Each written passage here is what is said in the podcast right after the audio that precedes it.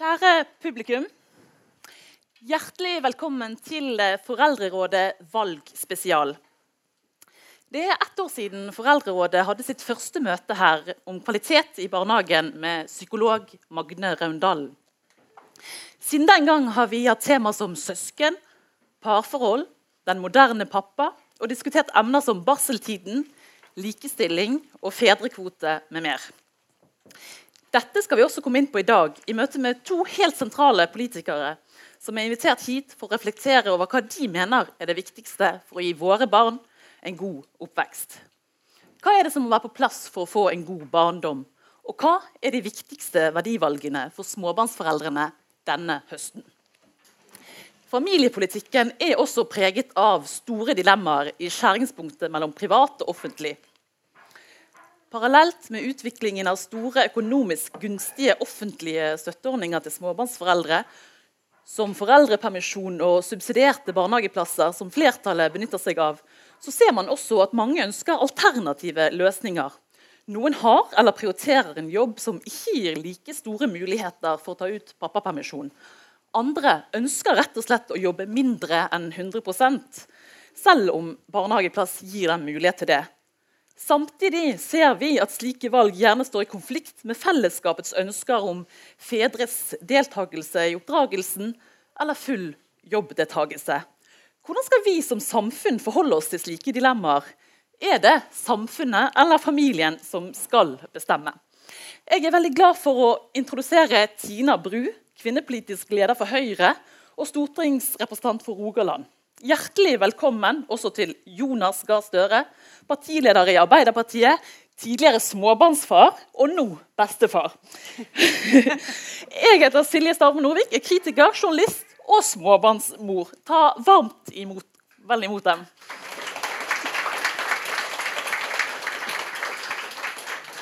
Så vil jeg bare si Vi åpner for spørsmål og innspill fra salen mot slutten av arrangementet.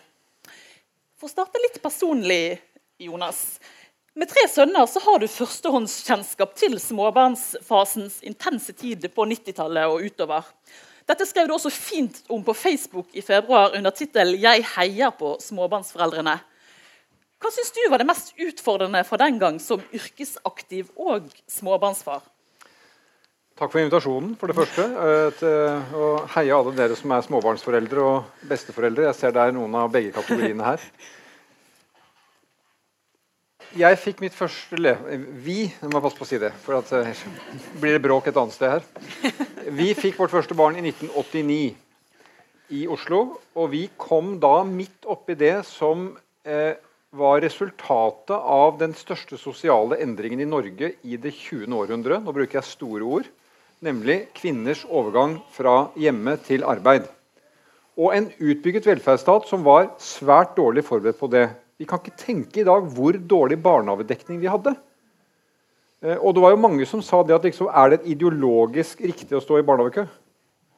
Nei, det er ikke det når du har problemer med å ikke uh, få barnehage. Og da Magnus ble født i november 1989, så var det bare å glemme. Jeg gikk rundt i strøket og utvidet strøket og utvidet strøket for å finne barnehage. Det var ikke mulig.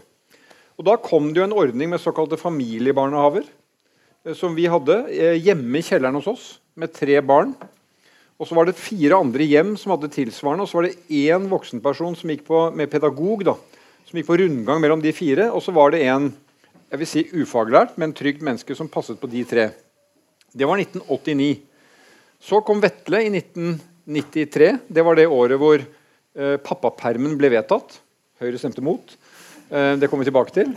Eh, da var jeg hjemme noen uker. Jeg jobbet på statsministerens kontor som rådgiver. og var hjemme noen uker høsten 1993 med han. Tredjemann for oss ble født i 1999, Gullik.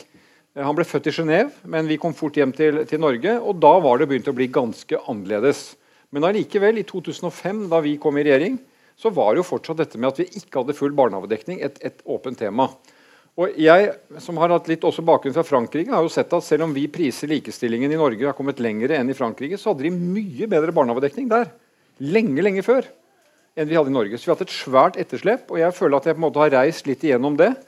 Eh, Magnus var da i den familiebarnehagen. Det var veldig bra vil jeg si, for, for han. Kom etter hvert inn i noe som var litt mer organisert. Men for tredjemann så ble det bedre. Og for Albert, født i 2015, mitt barnebarn, eh, så er det eh, vanskeligste for han var at han var født i november og dermed ikke hadde plass eh, da han ble ett år, måtte vente. Men han er nå i full sving i en veldig fin barnehage, ganske nære der han bor i Oslo. Så det løftet er gjort. Den tryggheten er der. Eh, hans foreldre kan ta sine valg. Og jeg mener jo det med å ha trygghet for en god barnehage, hvor vi mener at det store neste løftet er å sikre at vi, at vi har god nok kvalitet i barnehagen. At vi sørger for at de voksenpersonene der, iallfall om lag halvparten, har barnehagebakgrunn. Eh, eh, så har iallfall han gjort en ganske lang altså Vi har gjort en lang reise som samfunn fra Magnus ble født i 89 til Albert ble født i 2015 på å få på plass en trygghet for foreldre, som jeg tror er uendelig viktig for å få dette strevsomme livet til å gå opp. Men for å avslutte det jeg skrev den der, eh, på Facebook, var det fordi at jeg henter jo Albert eh, etter en eh, komplisert avtale. Eh, og det å komme inn i den der familiebarna, eller det er ikke familiebarnehagen, det er 30 unger der, og hente og kjenne på den intensiteten som småbarnsforeldrene har, var for meg en kraftig déjà vu, som det heter. Eh, jeg kjente meg igjen, jeg kjente luktene, jeg kjente følelsene så sterkt. Jeg kjente hvor fint det er det å komme og hente, men også hvor utrolig hvilket strev det er. Altså, en småbarnsfamilie er et middels stort transportbyrå eh, med veldig harde akkorder. Eh, og det følte jeg på da. Og jeg mener fortsatt politisk dypt og inderlig at det er et samfunnsoppdrag å bidra til at det lar seg gjøre, lar seg løse for foreldrene. Takk for den. Hva er det viktigste lærdommen eh, fra denne tiden som småbarnsfar som du sjøl tar med deg inn i utformingen av en eh, god familiepolitikk? Ja, Den er privat, og den er politisk. Altså det, det private er jo det at uh, hvis du kommer deg gjennom disse fasene, her sånn, så bør du leve sammen resten av livet. For da har du stått på en del tester som uh, Har du noen gode tips der? Ja, det kan vi ta etterpå. Ja. men det, selv om du har dette tilbudet, kreves det jo et veldig godt samarbeid mellom to arbeidende foreldre aktive og hektiske. Og, og, og, det tror jeg er en veldig viktig lærdom som jeg, jeg, håper foreldre får vite når de kommer på helsestasjonen, om hva de nå er i ferd med å møte når de får barn og de er travle. Eh, politisk mener jeg at eh, det å kunne eh, sikre foreldre, foreldre skal kunne ta gode valg, men det å kunne ha en, en, slags form for sikkerhet at fra barnet er ett år, så skal det være tilbud om en kvalitetsbarnehageplass. Med pedagogisk, altså med barnehagefaglig personell der som kan ta imot ungene, gi dem trygghet. Eh, og at vi sørger for at vi, at vi, at vi holder det ved like.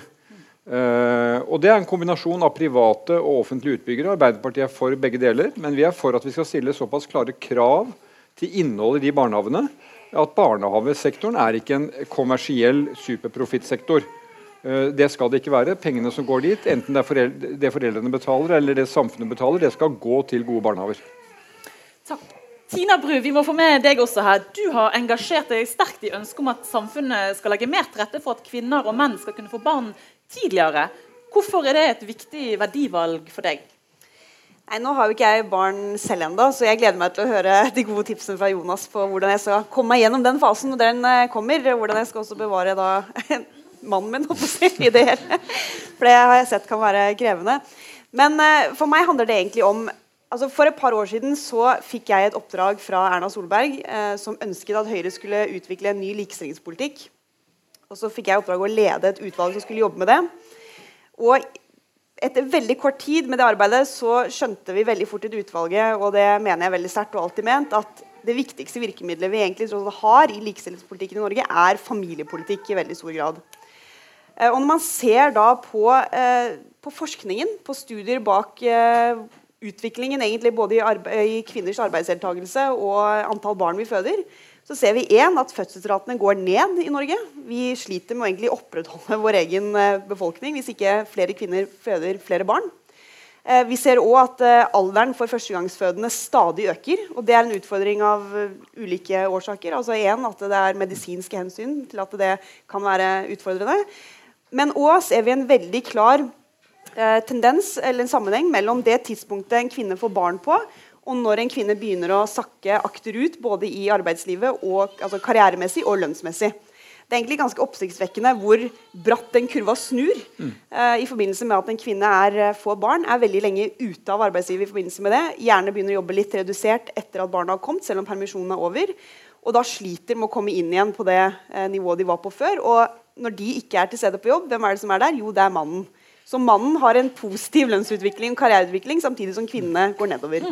Og Derfor tenkte jeg at det hadde vært positivt da hvis altså Vi kan ikke som politikere komme med en sånn moralsk pekefinger og si du skal få barn tidligere. Det er et fritt valg, og det må det være.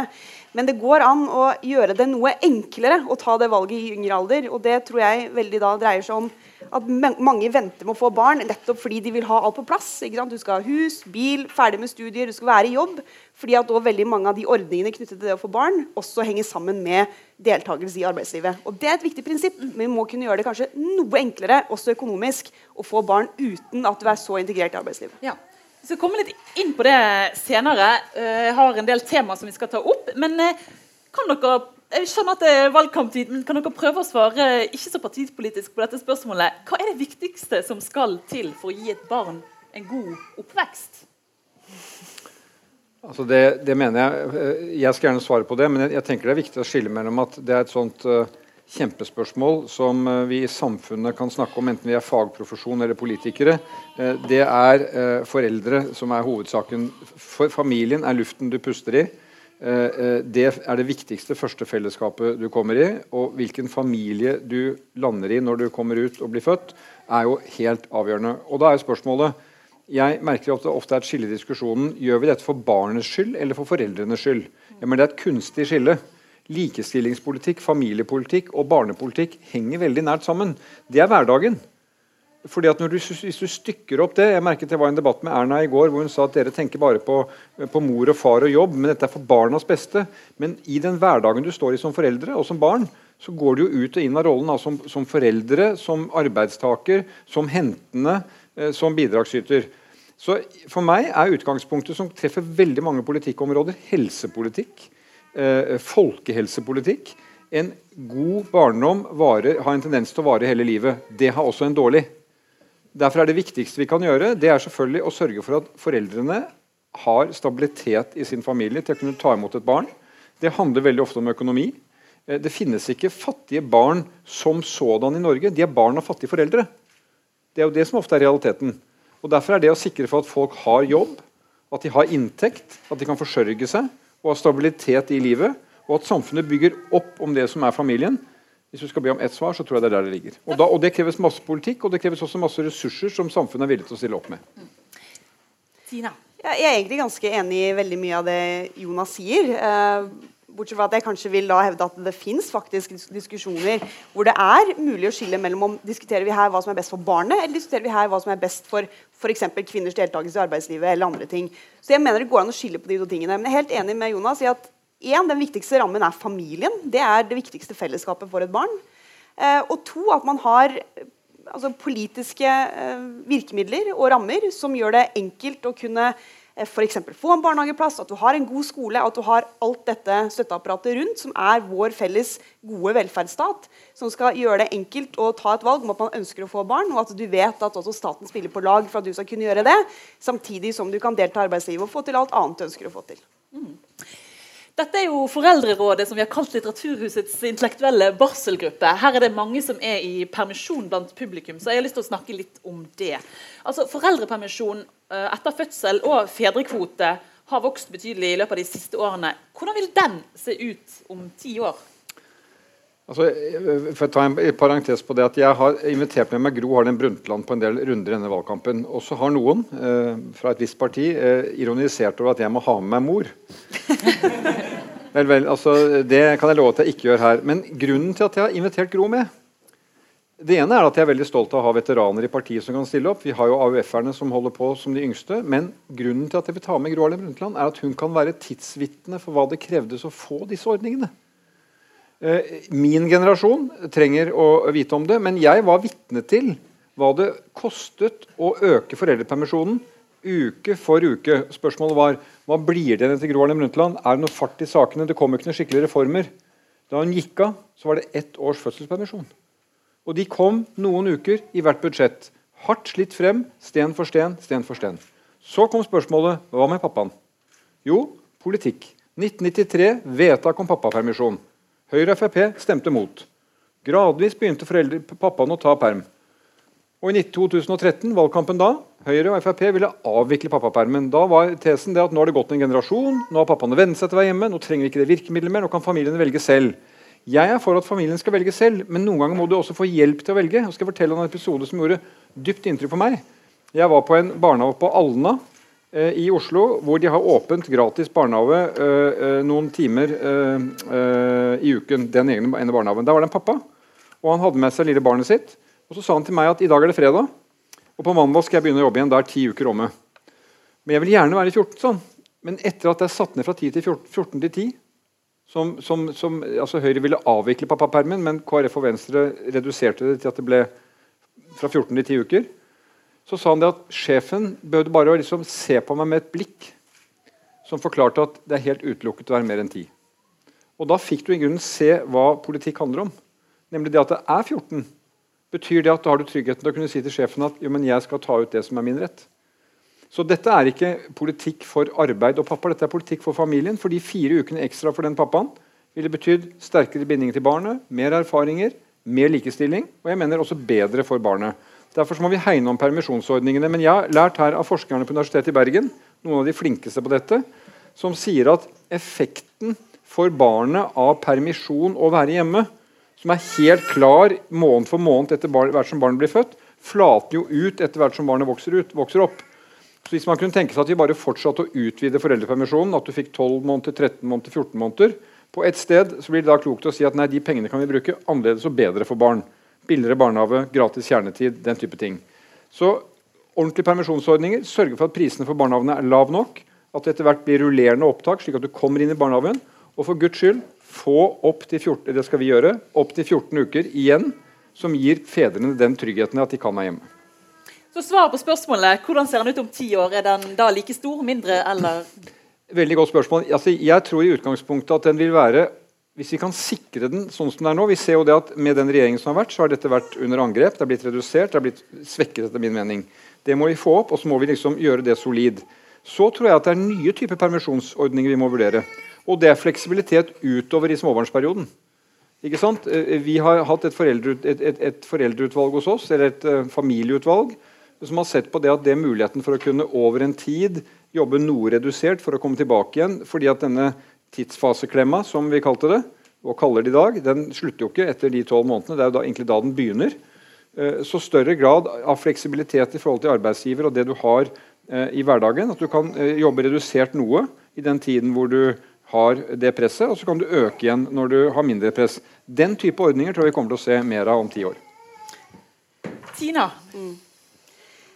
Jeg tror jeg må starte med å si at det jeg ofte savner i den diskusjonen om, uh, om, permisjon generelt, det er en slags erkjennelse av at uh, det er ingen familier som er helt like. Det er ingen fødsler som er helt like. Noen har en vanskelig fødsel. Noen trenger kanskje mer tid for å komme seg til hektene etter, etter det enn det andre gjør. Eh, noen familier kan ta ut hele fedrekvoten, andre kan det ikke. Det er fortsatt sånn at 24% av menn tar ikke permisjon i det hele tatt, eller benytter ingenting av kvoten, uavhengig av om den er 10 eller 14 uker. Men heldigvis så ser vi at fedrekvoten blir stadig mer populær. Det er stadig flere fedre som benytter seg av den. Det er stadig flere fedre som tar ti uker eller mer. Det òg den underliggende trenden selv etter at vi reduserte fra 14 til 10 uker. Men, Men du ville avvikle den? Når det er sagt, nei, jeg har alltid Men det, veldig... det, er, det er Høyre. Dere, dere, ville avvikle den i 2013? I 2013, det er helt sant. Ja. Men nå går vi til valg på å beholde en kvote. Og jeg har vært den som har kjempet for det i Høyre, fordi jeg mener det er utrolig viktig. Men vi må òg ha en slags forståelse for at det er ikke sånn, mener jeg, at likestilling i Norge står og faller på om kvoten til far er 10 eller 14 uker. Jeg tror det er bra å ha en kvote, men jeg tror vi også må erkjenne at ikke alle familier er like. Noen trenger mer tid. Og hvis ikke far benytter seg av kvoten, så forsvinner også de ukene fra den totale permisjonstiden. Så her må man politisk også være villig til å balansere, mener jeg. Men jeg mener vi må være åpne for å diskutere dette fortsatt hvis det viser seg at dette nå fører til at det blir drastisk reduksjon i antall fedre som tar permisjon.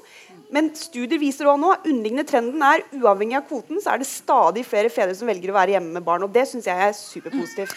Altså, fedre står ofte i en kryssild mellom hjemmet og arbeidsgiver. Det sitatet til å høre deg, Tina. Hvor mm. lenge tenker du at vi trenger denne fedrekvoten som et insentiv? Det er vanskelig å spå hvor lenge man trenger den, men jeg mener, jeg, mener, det jeg har sagt. Og jeg tror også dette er veldig ulikt rundt omkring i landet. Altså, jeg kjenner veldig mange fedre hjemme i Rogaland, som er mine venner, som har fortalt nettopp om dette. At det er vanskelig. Så, liksom som Jonas sier også. så jeg er enig i det. Så vi trenger, tror jeg, dessverre fortsatt at det er sånn at fedre har en ekstra lovgitt rett oppå en allerede lovgitt rett. For det er jo sånn at eh, mor og far kan jo dele 50-50 i dag hvis de vil det. Uavhengig av kvoten. Altså, det er ingenting som stopper far for å ta mer. Men vi er ikke der enda, så jeg tror vi fortsatt trenger dessverre det insentivet. Men det jeg har lyst til å si, fordi Jonas var inne på det, det er jo at jeg tror vi må være villige til å se på andre deler av permisjonsordningen utenom bare dette som går på fedrekvote. Vi foreslår nå for det at eh, Du snakker om fleksibilitet, Jonas. Men vi foreslår for det at man skal kunne ta ut noen permisjonsdager samtidig i det som er fellesdelen av permisjonstiden. Fordi noen familier kanskje kan ønske det. Kanskje for rett etter fødsel. Hvis det har vært en litt vanskelig fødsel og mor ønsker seg litt hjelp hjemme, så kan far for ta ut noen dager sammen med mor i permisjon. Det tror jeg er et gode til familiene som kan gi mer fleksibilitet, og som kan være fint fordi eh, ikke alle familier er like på dette. Mm. Du Tina, har jo også som du nevnte, vært på kollisjonskurs med ditt eget parti her ved å argumentere nettopp for fedrekvoten, som har vært en strid i Høyre. Og Familiepolitikk kan jo nettopp være komplisert for et parti som både er liberalt og konservativ, men som samtidig ønsker å ta likestilling fremover. Hva er det vanskeligste med å utforme en god uh, familiepolitikk? Jeg ble distrahert. um, nei, det vanskeligste Jeg tror Men det er nettopp dette som er. da, at For Høyre så handler det om å balansere mm. mellom uh, det at familier skal kunne få lov å velge den løsningen som er best for seg, men òg en erkjennelse av at man trenger noen politiske virkemidler for å løse noen større samfunnsutfordringer. Og Derfor føler jeg at det, det, vi har landet på i Høyre nå Vi sier vi skal ha en kvote. Vi skal ha den sånn som den er i dag. Det er ti uker. Eh, fordi vi vil gi litt mer fleksibilitet tilbake til familiene, samtidig som vi vil bruke dette virkemidlet. Men dette kommer alltid til å være diskusjoner i Høyre. Men jeg tror det er sunt. jeg tror det er bra. Vi har hatt en kjempediskusjon på dette i partiet nå siste året. Vi utviklet masse ny politikk. Andre del av dette er jo at vi, eh, vi går inn for å øke engangsstønaden. Det har vi også gjort i denne regjeringsperioden for de som ikke er i jobb når de får barn. Eh, vi ønsker å gi far større anledning, eller alle egentlig, større anledning til gradert uttak av permisjonstiden. Særlig menn benytter seg av det. Det tror jeg er uh, viktig. Så, så, dette er gode diskusjoner, men du må balansere mellom at ikke alle familier er like. Man må ha en mulighet til å velge, men nå erkjenne at man trenger noen uh, virkemidler. Jonas, jeg synes det spørsmålet er så godt at jeg stiller det til deg òg. Hva er det vanskeligste med å utforme en god familiepolitikk? Det tror jeg er enkelt å svare på. Det er jo at politikken skal treffe. Mm og at den skal være relevant for de menneskene blir, eh, som blir sett på det. Men her er det også en forskjell i politisk tilnærming. fordi Det vil jo alltid være slik at du kan sitte og si at familier er forskjellige, mamma og pappa ønsker ulikt, ulike deler av landet. Og så fører det til det instinktet vi er mot, vi gjør ingenting. Sånn som det å være mot, mot pappapermen. Men det er jo ikke det vi gjør nå. Du nei, men, svarer men, på noe annet enn det jeg sier. Nei, men eh, Nå svarer jeg henne, egentlig. Men poenget er at da pappapermen kom i 1993 som jo er en nyere tid, vil jeg si. Da var Høyre mot. Vi skal ikke bruke penger på det. vi skal ikke blande oss inn i det. Men jeg, sånn som jeg tror utviklingen er på dette området, som det også er i, for, i forhold til markedet i verden Vi har marked, vi har varierte familier. Politikk trengs for å ramme inn og sette en trygghet rundt mennesker. Vi lar ikke markedskreftene fritt styre i et samfunn. Vi har regler for at menneskene skal være beskyttet. Vi definerer pappaperm, for vi sier at det og det gjør vi demokratisk. Vi vedtar i Stortinget. Noen er for, noen er mot. Det er demokratiske vedtak. For det gir foreldrene og barna en tryggere oppvekst ved at fedrene får den tilhørigheten som vi ønsker at de skal ha. Og igjen mener jeg at Norge er egentlig i den store historiske perioden fortsatt i en ganske ung fase med å ta det hensynet at både mor og far jobber. Som jeg sa, Det kom sent i Norge. I 1970 hadde Norge husk på det, i 1970 hadde Norge den laveste kvinnelige sysselsettingsgraden i Europa etter Portugal og Tyskland. I 1985 var vi høyest. Det er en revolusjon på 15 år som samfunnet egentlig veldig lite hadde lagt til rette for. Så i mitt hode er vi fortsatt i en tilpasning til det for å gi mamma og pappa rett. Det som står igjen, og som er jo et resultat av denne, denne veldig brå overgangen, er jo det kjønnsdelte arbeidsmarkedet vårt. Som er mye mer kjønnsdelt enn det er hvis du reiser til USA eller andre land. altså Med veldig tungt med kvinner i offentlig sektor, omsorgsyrker. Jeg var i går og hadde debatt med helseministeren på Lovisenberg sykehus om omsorgsyrkene. Det er jo 10-12% menn i omsorgsyrkene. Det må vi også endre på. Men vi kommer tilbake til det. Politikk nytter, og politikk er nødvendig for å bidra til en, til en forandring som vi ønsker. Bare følge litt på det. Altså, ja, Det er mulig at Høyre og Arbeiderpartiet har en ulik tilnærming til dette. fordi vi vil alltid som utgangspunkt tenke mer på individet. Tenke på at ikke alle er like, mens du Jonas, foretrekker å tenke på systemet. Jeg synes det er litt rart at du for ikke engang jeg har aldri hørt noen i Arbeiderpartiet snakke om at det er en utfordring av at hvis en familie ikke benytter seg av fedrekvoten, så forsvinner de ukene fra familien og fra barnet i siste instans. Hva tenker du om det? Syns du det er Det er ikke problematisk i det hele tatt? det, det, det første tenker jeg at det er en nedrig argumentasjon å si til meg at jeg er mest opptatt av systemet. Jeg Det høres sånn ut. jo, men du sier det. Jeg har engasjert meg i politikk bl.a. fordi at jeg har familieerfaring og jeg ønsker å gjøre noe for andre familier. Og Vi sier at det viktigste her er å sikre at vi har et system som gjør det mulig for far å velge å være hjemme. Det skjer ikke av seg selv. De kreftene han møter ute på arbeidsmarkedet, hvis han vil, trenger hjelp. Og holdningene blant menn. Holdningene blant menn eh, om at de har ansvar både for barna og ansvar hjemme, det handler ikke om systemet. Tina Bru. Det handler om å sørge for at samfunnet stiller opp, tar ansvar, og at vi, felles har, eh, at vi har et felles ansvar for det. Og at vi bruker penger til å gjøre det. Men dette er vi jo helt enig i. Men, men du svarer meg som at vi fortsatt er imot fedrekvoten, og det er vi jo ikke. Nei, jeg, jeg gjør ikke det nå. Jeg bare sier at det er et generelt uttrykk for politikk. Noen ganger må du da gå inn og si du sier du er mest opptatt av individet. Jeg, alle er opptatt av individets rett til å velge. Vi mener at individet har sin største valgfrihet hvis det har trygge fellesskap rundt seg. Det viktigste av dem er familien. Og Samfunnet stiller da opp for å gjøre den familien trygg ved å si at både mor og far kan være hjemme. Det skal vi investere i. Nå er vi enige i det. Vel, altså, For fire år siden gikk dere i valgkamp og ville avvikle hele ordningen så ble dere av disse to sentrumspartiene tvunget til å ikke avvikle den, men bare kutte tiden. Og nå sier dere nå går vi videre på det nivået. Vel, Da er det bra at det er en enighet om det. Jeg ønsker meg tilbake igjen til 14 uker, for jeg tror det er forskjell på 10 og 14 uker. Eh, og det, det bør vi holde, for det er også en, en, en norm som vi sier av hva vi forventer at far har rett til.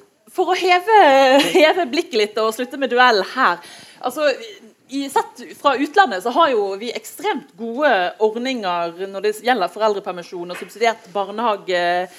Syns, for å være, svare litt ærlig, syns dere av og til at norske foreldre er litt uh, storforlangende? Mye vil ha med. Altså, jeg, jeg- mener et klart nei på det. Og La oss nå huske den andre delen av streken. Når vi er enige om det at dette er for barnets beste og for familiens beste.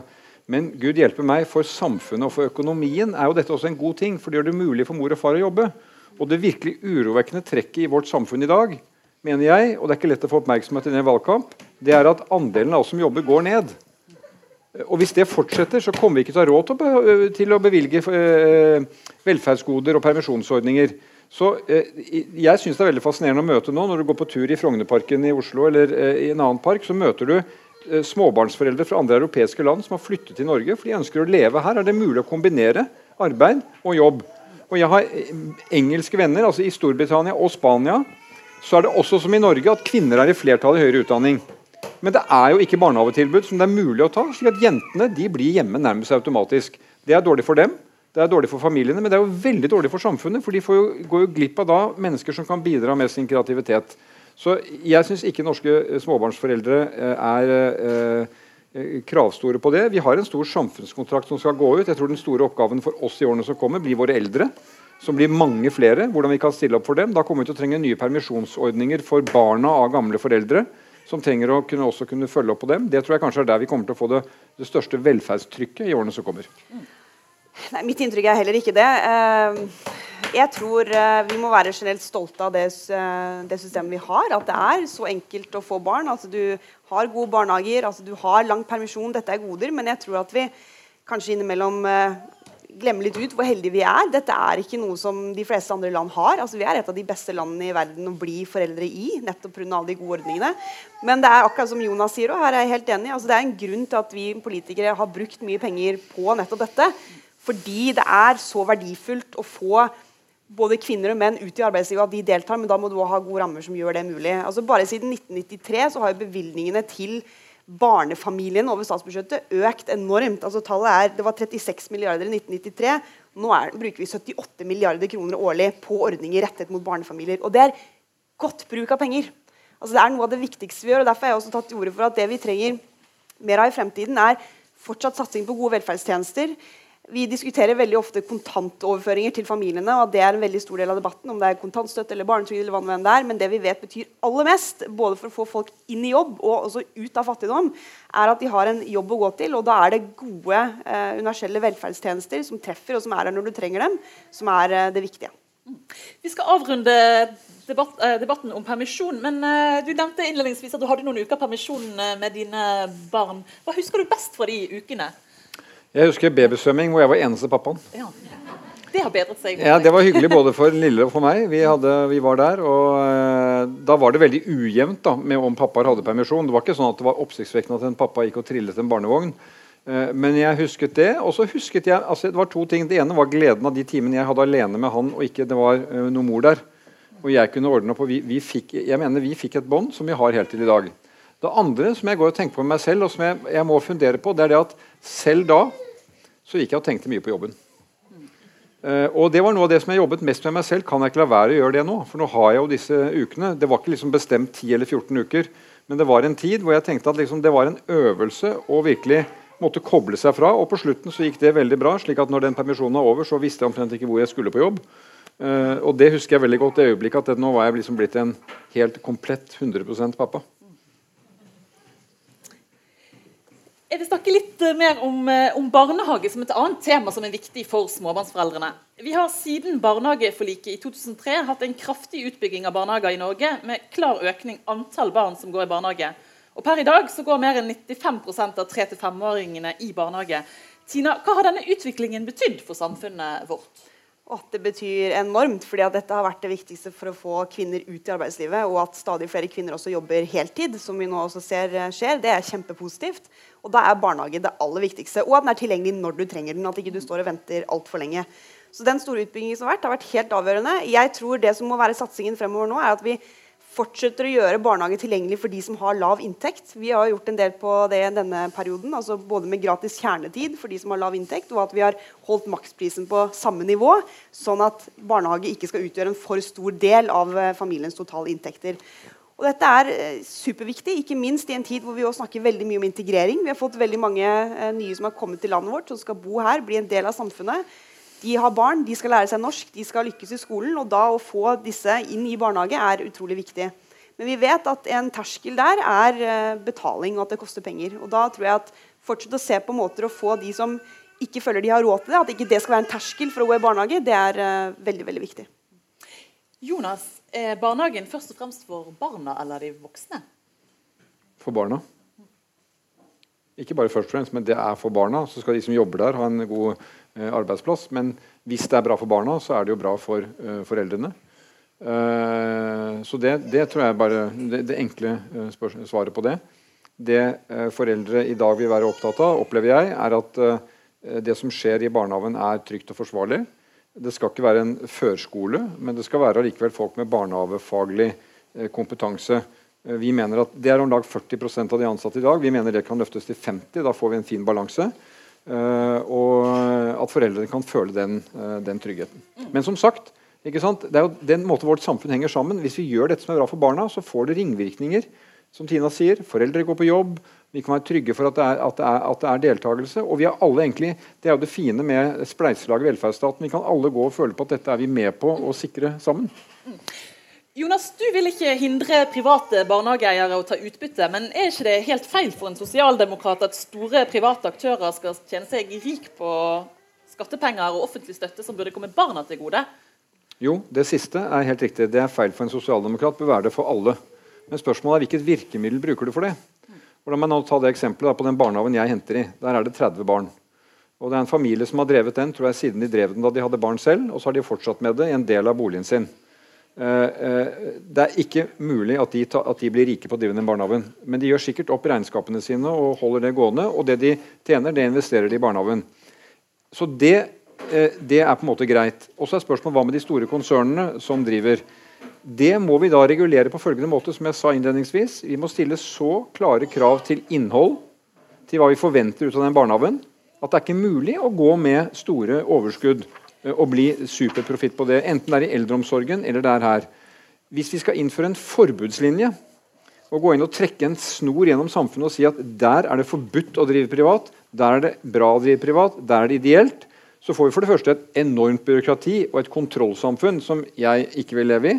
Eh, og for det andre så har barnehageløftet vært en del av et spleiselag mellom private og offentlige. Det er omtrent half-half, 50-50, av private barnehager og offentlige, og det mener jeg er en grei miks.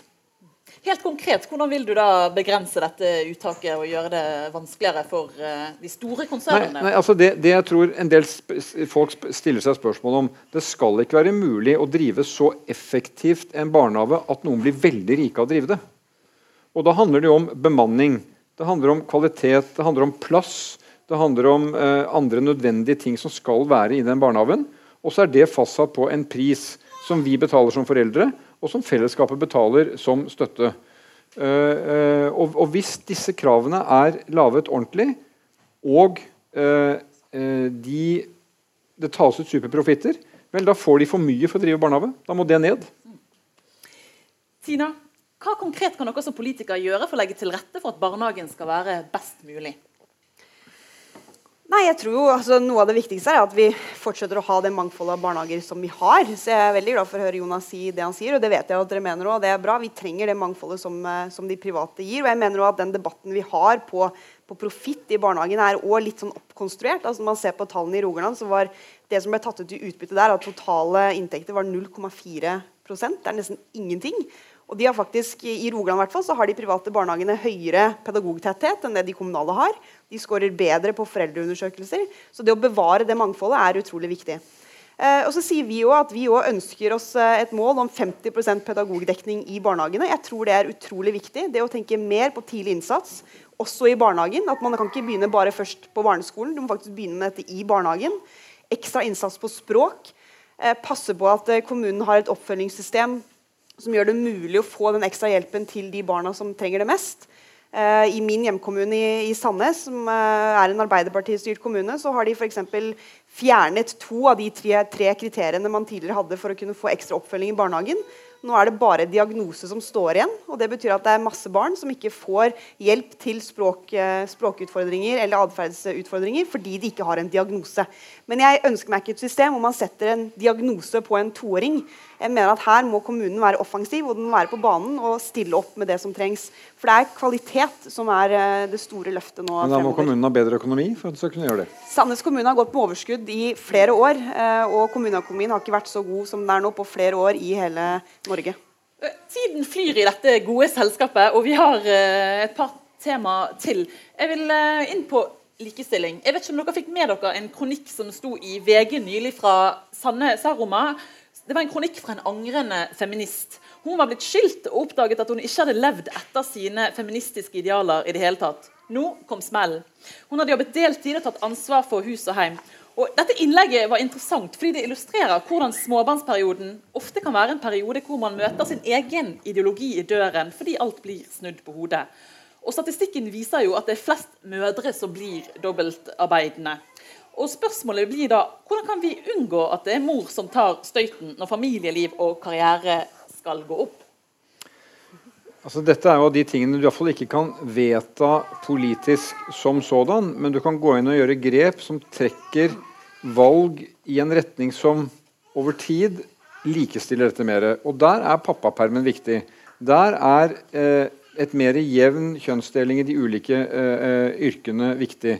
Her er god ledelse på arbeidsplassen viktig, som, som, rydder rom for at ikke jentene går i glasstaket før de tar ansvarlige stillinger. Her er eh, heltidsstillinger med gode permisjonsordninger viktig. Så Det er en lang rekke virkemidler vi har i politikken til å kunne legge til rette for at ikke eh, nå skal ikke jeg ta det tilfellet spesielt, men at, at, en kvinne opplever at hun kommer på mange måter i en velferdsfelle pga. valg hun har tatt tidligere under forutsetninger som så brister fordi at forholdet brister. Mm. Tina?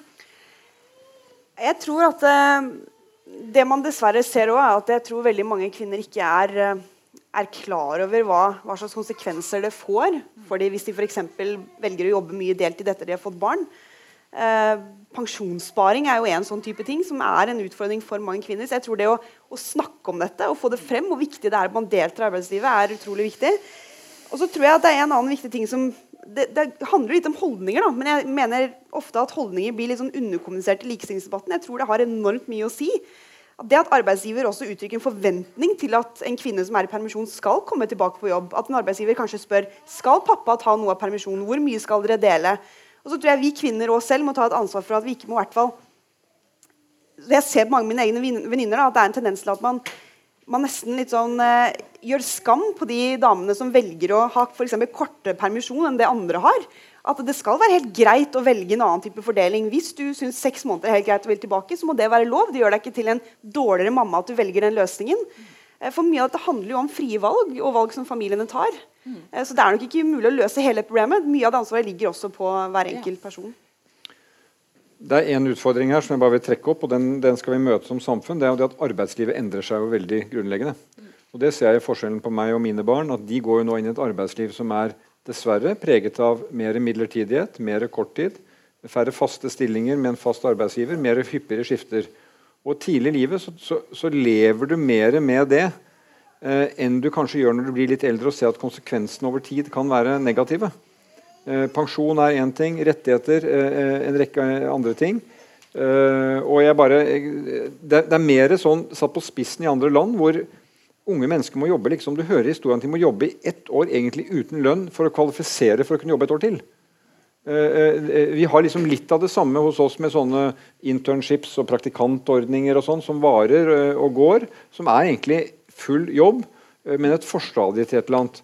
Så det, å, det, å få, det, at vi får en brutalisering den veien, det er dårlig for familiene, for, for uh, familielivet. Men på den annen side så tror jeg at med ny teknologi, nye måter å jobbe på, så vil mennesker også ta nye valg.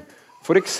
så kommer det til å komme helt sikkert valg om å bytte uh, velferd, altså ha, ta ut fremfor mer lønn, ta ut mer fritid, mer ferie. Valg folk tar selv, og som de må kunne ha anledning til å gjøre, og som arbeidskontrakten med arbeidsgiver må innholde. Jeg tror at skal, Arbeiderpartiet går til valg på å ha en full gjennomgang av arbeidsmiljøloven en gang til.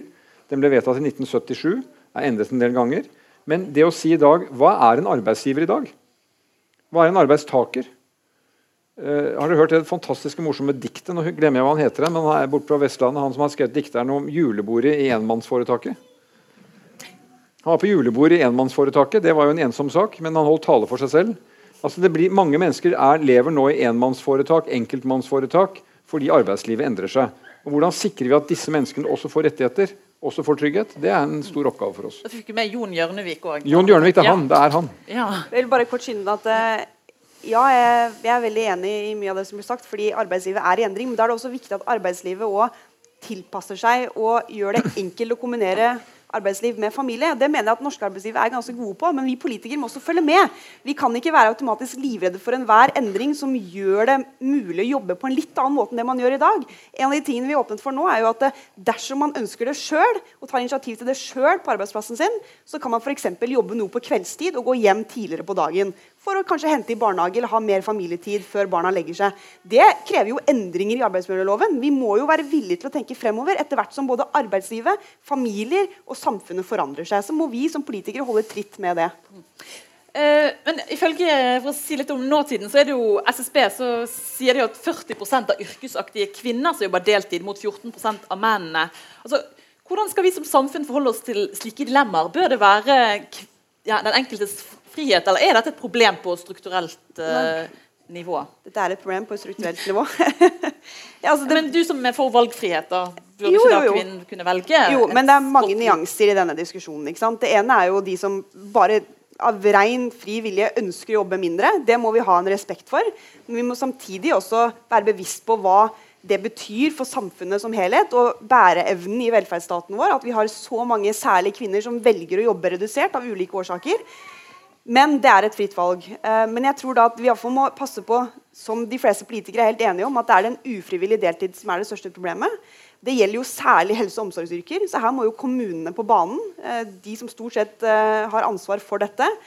Jeg mener at Vi må også ha en, en mulighet til å forhandle frem lokale turnuser mellom partene. Det er jo en av de endringene vi gjorde i arbeidsmiljøloven som vi nå ser også har ført til at det er lettere å få heltidsstillinger, at det er lettere å få turnuser som funker på en annen måte. Men det er heller ikke superenkelt å gjøre dette, spesielt i omsorgsyrkene, fordi det vil kreve at man må gå turnuser hvor noen må jobbe helg og alt det der. Men dette er jo diskusjoner som også partene må ta. Eh, Men det er, det er den strukturelle utfordringen, men det er òg det at man må få lov å velge hvis man ønsker det. Men det bunner vel kanskje ut i da, at vi i Norge er såpass heldige og har det såpass godt at veldig mange i Norge føler at de kan ta seg råd til å jobbe litt mindre for å prioritere barn. Men det er litt synd at det veldig ofte er kvinnen som gjør det. Men det er jo også fordi at kvinnen ofte er den som tjener minst i en familie. dessverre. Jonas, jeg vil gjerne høre deg også om Ja, dette dilemmaet. altså Dette er også litt interessant om synet på politikk. Eh, fordi, eh, vi, altså Ta et helt annet tema. Vi har tema om bemanningsbyråene. at de nå tar stadig større del av det regulære arbeidsmarkedet. Eh, alle er jo for vikarfunksjonen. At Hvis noen er syk, så kan du tilkalle en vikar. Eller hvis det er sesonghøydepunkt, kan du ha en vikar. Det er ikke det du vil ta utover, men ved å la bemanningsbransjen bare vokse ut, så fortrenger den annet arbeid. Overført betydning til dette. Ufrivillig deltid er et farlig begrep, mener jeg, i denne diskusjonen. Eller frivillig deltid. For, uh, unnskyld, frivillig deltid. Alle er jo for at et menneske kan velge å jobbe uh, halv tid, for situasjonen er sånn. Det er ikke det vi adresserer her.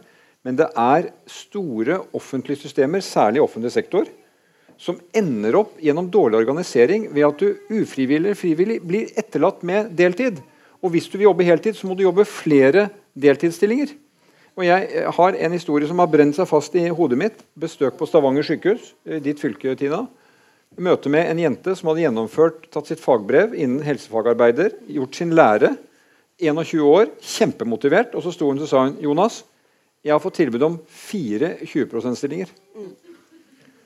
Altså, Fire ganger 20 er ikke 100 engang. Og det er iallfall ikke nok til å få lån. eller noen ting. Og så sa hun til meg jeg tror jeg velger reiseliv. sa hun. Og da tenkte jeg dette er jo en ulykke for landet. Reiseliv er bra, vi trenger flere der. Men her er det en jente som har virkelig gått inn i et av de viktigste yrkene vi har. Og vi trenger flere av. Og så må hun melde pass. De trengte 80 av arbeidstiden hennes. De burde trenge 100, og det er dårlig organisering. Så jeg mener at vi bør ha egentlig et prinsipp om rett til heltid. Eh, og at vi, at vi, stiller krav til måten dette organiseres på. For det vi ser, både i kommuner og i spesialisthelsetjenesten, at det er mulig. Gjennom organisering, gjennom involvering av partene, er det mulig å sy dette sammen, slik at dette med del, deltid, som alltid vil være der noe, eh, blir eh, et, et mye mindre problem. Takk. Vi må begynne å avrunde fordi vi vil åpne for innlegg fra salen. Da får dere begge to avslutte med dette visjonære. Hva bør være den neste store velferdsreformen for småbarnsforeldre? Jonas, hvis du blir statsminister? Nei, eh, tidlig innsats. Gjøre det, ikke bare snakke om det. Tidlig innsats i vår forrige regjeringsperiode var 16-18 milliarder kroner til barnehagedekning. Full barnehagedekning. Der gjenstår det nå noe med å få rullerende opptak hele året bedre kvalitet blant de som altså høyere andel eh, med utdanning. Men tidliginnsatsen nå i denne perioden vil handle om å sette inn trykket i første til fjerde klasse for å hjelpe de elevene som sliter med å lese og skrive og regne, så de kan gå videre og ikke få frafall. Jeg tror Vi må sette inn ressursene der. Du bekjemper ikke frafallet videregående i videregående. Du må gjøre det tidlig. Da må du gjøre det, ikke snakke om det. Bergen kommune må gjennom kommuneøkonomien få anledning til å ansette flere lærere på det nivået som kan fange opp og hjelpe de elevene. Det tror jeg er den viktigste familiereformen også. For det er ikke noe mer ulykkelig enn en familie som opplever at barna sliter, enten det er i barnehagen eller skolen. Da blir det litt kjedelig, da, for vi skal kanskje helst være uenige. men her også, Hvis jeg har fått dere til å være enige. Ja, men, men, vi er jo tror jeg, ganske enige i dette. Men vi har nok ulike virkemidler på hva vi mener er det viktigste innenfor de to områdene. Altså, nå snakket vi mye om barnehage og flere pedagoger. Det er vi enige om. Vi òg peker på tidlig innsats som det andre store løftet nå, på skole videre etter at vi har gjennomført Lærerløftet.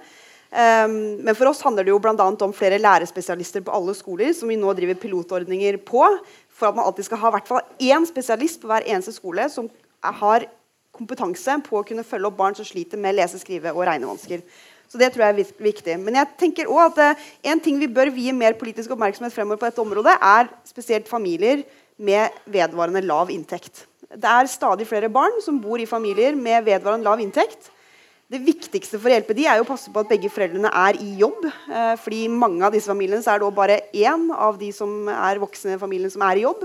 Så det å få begge ut i arbeidslivet det er det viktigste for å sikre at de får bedre inntekt. Men det å bedre støtteordningene rettet mot de, om det er mer bruk av gratis kjernetid i barnehage, mer støtte til eh, fritidsaktiviteter, det å kunne reise på ferie, gjøre sånne ting, det tror jeg er et viktig løft. Nå er det tror jeg tiden eh, inne for å fokusere på de som trenger det aller mest. Og det er eh, dessverre litt for mange barn i Norge som lever i familier som, som trenger bedre inntekt. Takk. Vi minner om neste Foreldrerådet, som skal handle om et viktig tema, nemlig fødselsdepresjon. Det er 25.9. Da er vi veldig mottakelige for spørsmål eller innspill fra salen. Så har vi mikrofonen der bak hvis noen vil eh, melde seg. Ja.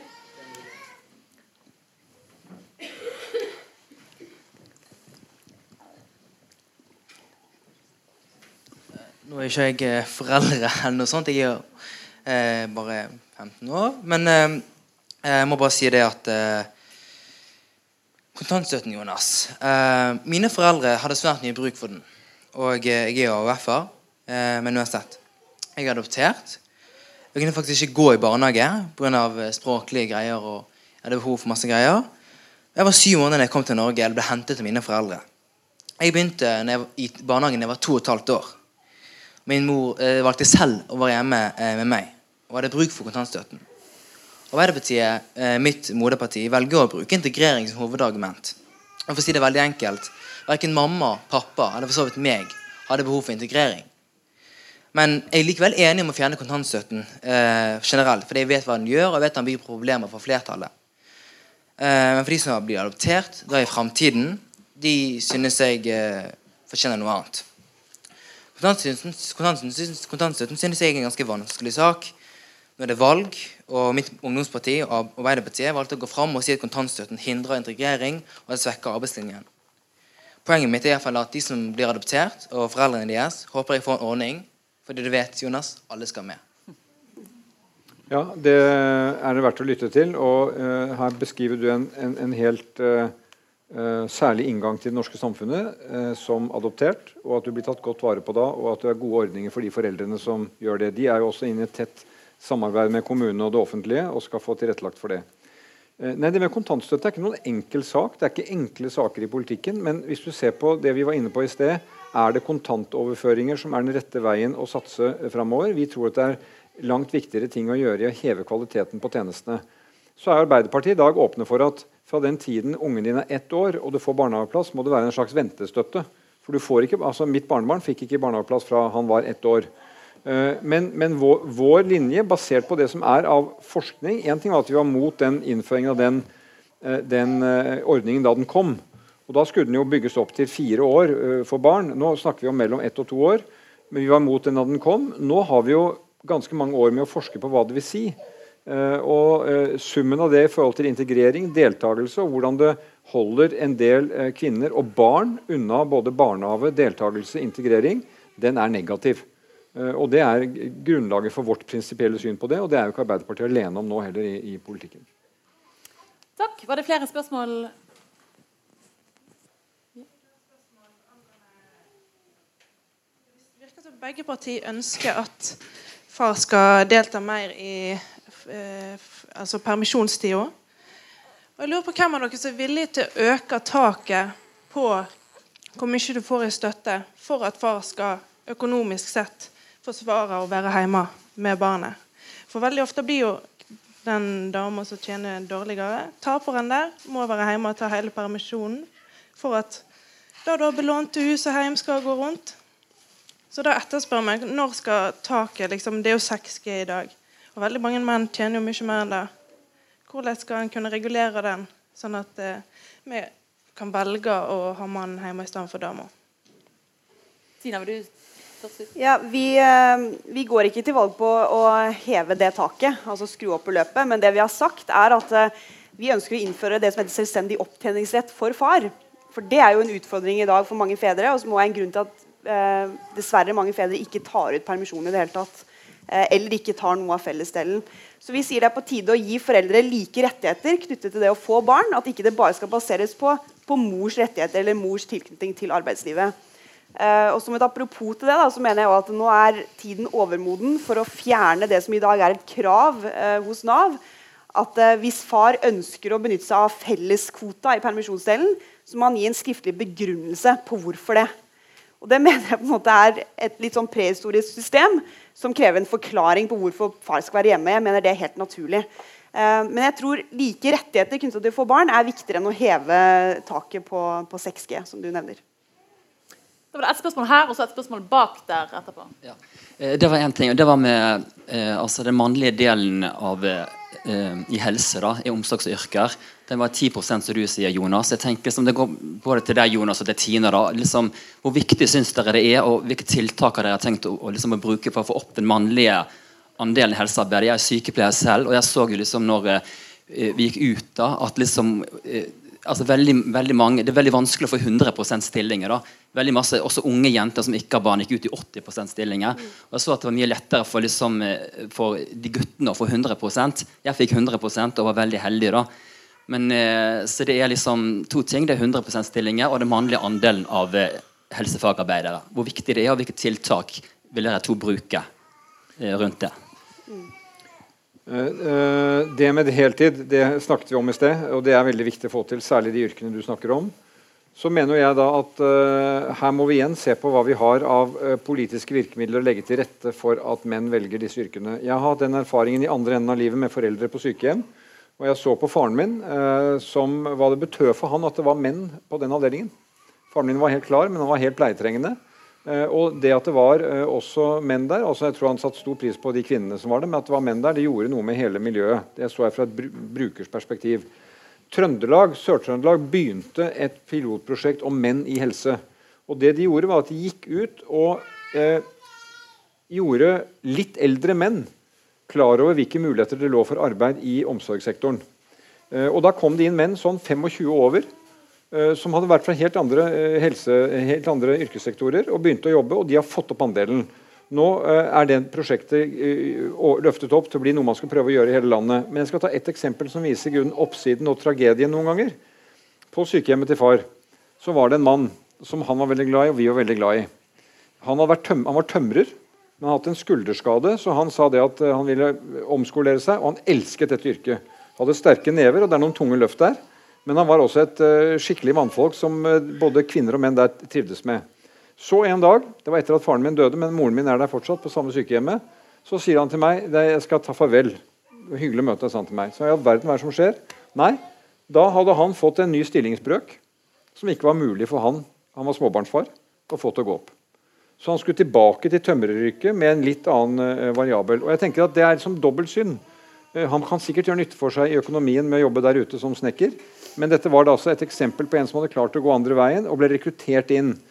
Eh, så det det viser, er at det er mange menn som er liksom utdannet til manneyrker, sånn som vi tenker, som finner at det var veldig givende å komme i et uh, omsorgsyrke.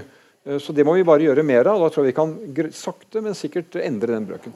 Kan jeg bare veldig, veldig vi, kort kommentere på det? avrunde. Det må være Ja, jeg har bare lyst til å si, I tillegg til alt det Jonas sa, Menn helse er et kjempebra prosjekt. Eh, Det ser vi gode resultater på nå i Rogaland. Men jeg tror også det å styrke fagutdanninga og det å åpne f.eks.